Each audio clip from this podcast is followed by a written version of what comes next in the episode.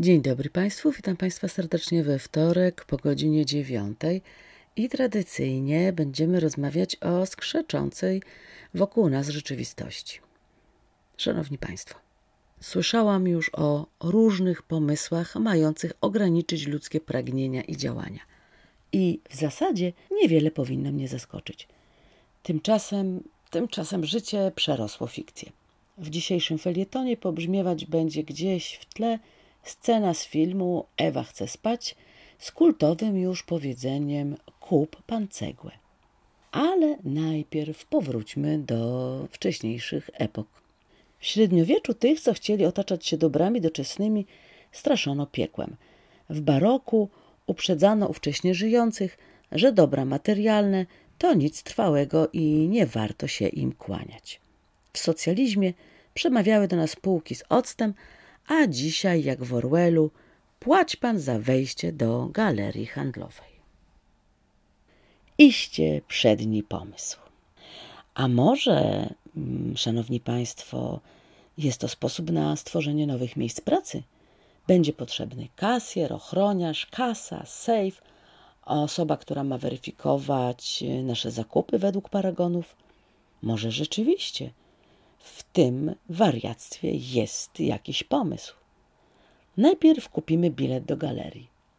Zastawimy 100 zł od osoby, a potem będziemy udowadniać, że nasze przyjście do tego przybytku było celowe i zasadne.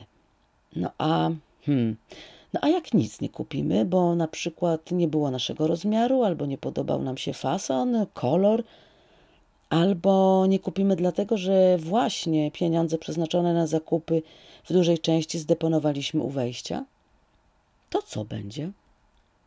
Czy jak będziemy chcieli wejść do kościoła, to też najpierw wrzucimy na tacę i pobierzemy paragon, bo inaczej przyjście nie będzie się liczyć? Wszak nie o żarliwość modlitwy idzie, a o udowodnienie mamoną, że czyny nasze szlachetnych pobudek się biorą. Proponuję też wprowadzić bilety do Sejmu. A co?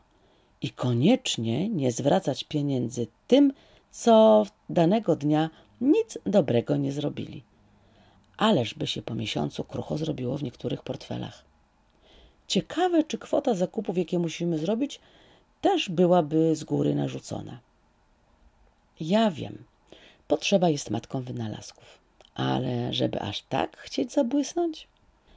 Tym szaleństwie jedno jest pewne. Handel już przeniósł się na bazary i do internetu. Puste galerie straszą. Za chwilę będzie można je zrównać z ziemią. Na szkoły się nie nadają, a na kościoły tym bardziej. A więc co nam pozostaje? Kup pan cegłę. Miłego dnia Państwu życzę. Bez tego typu pomysłów.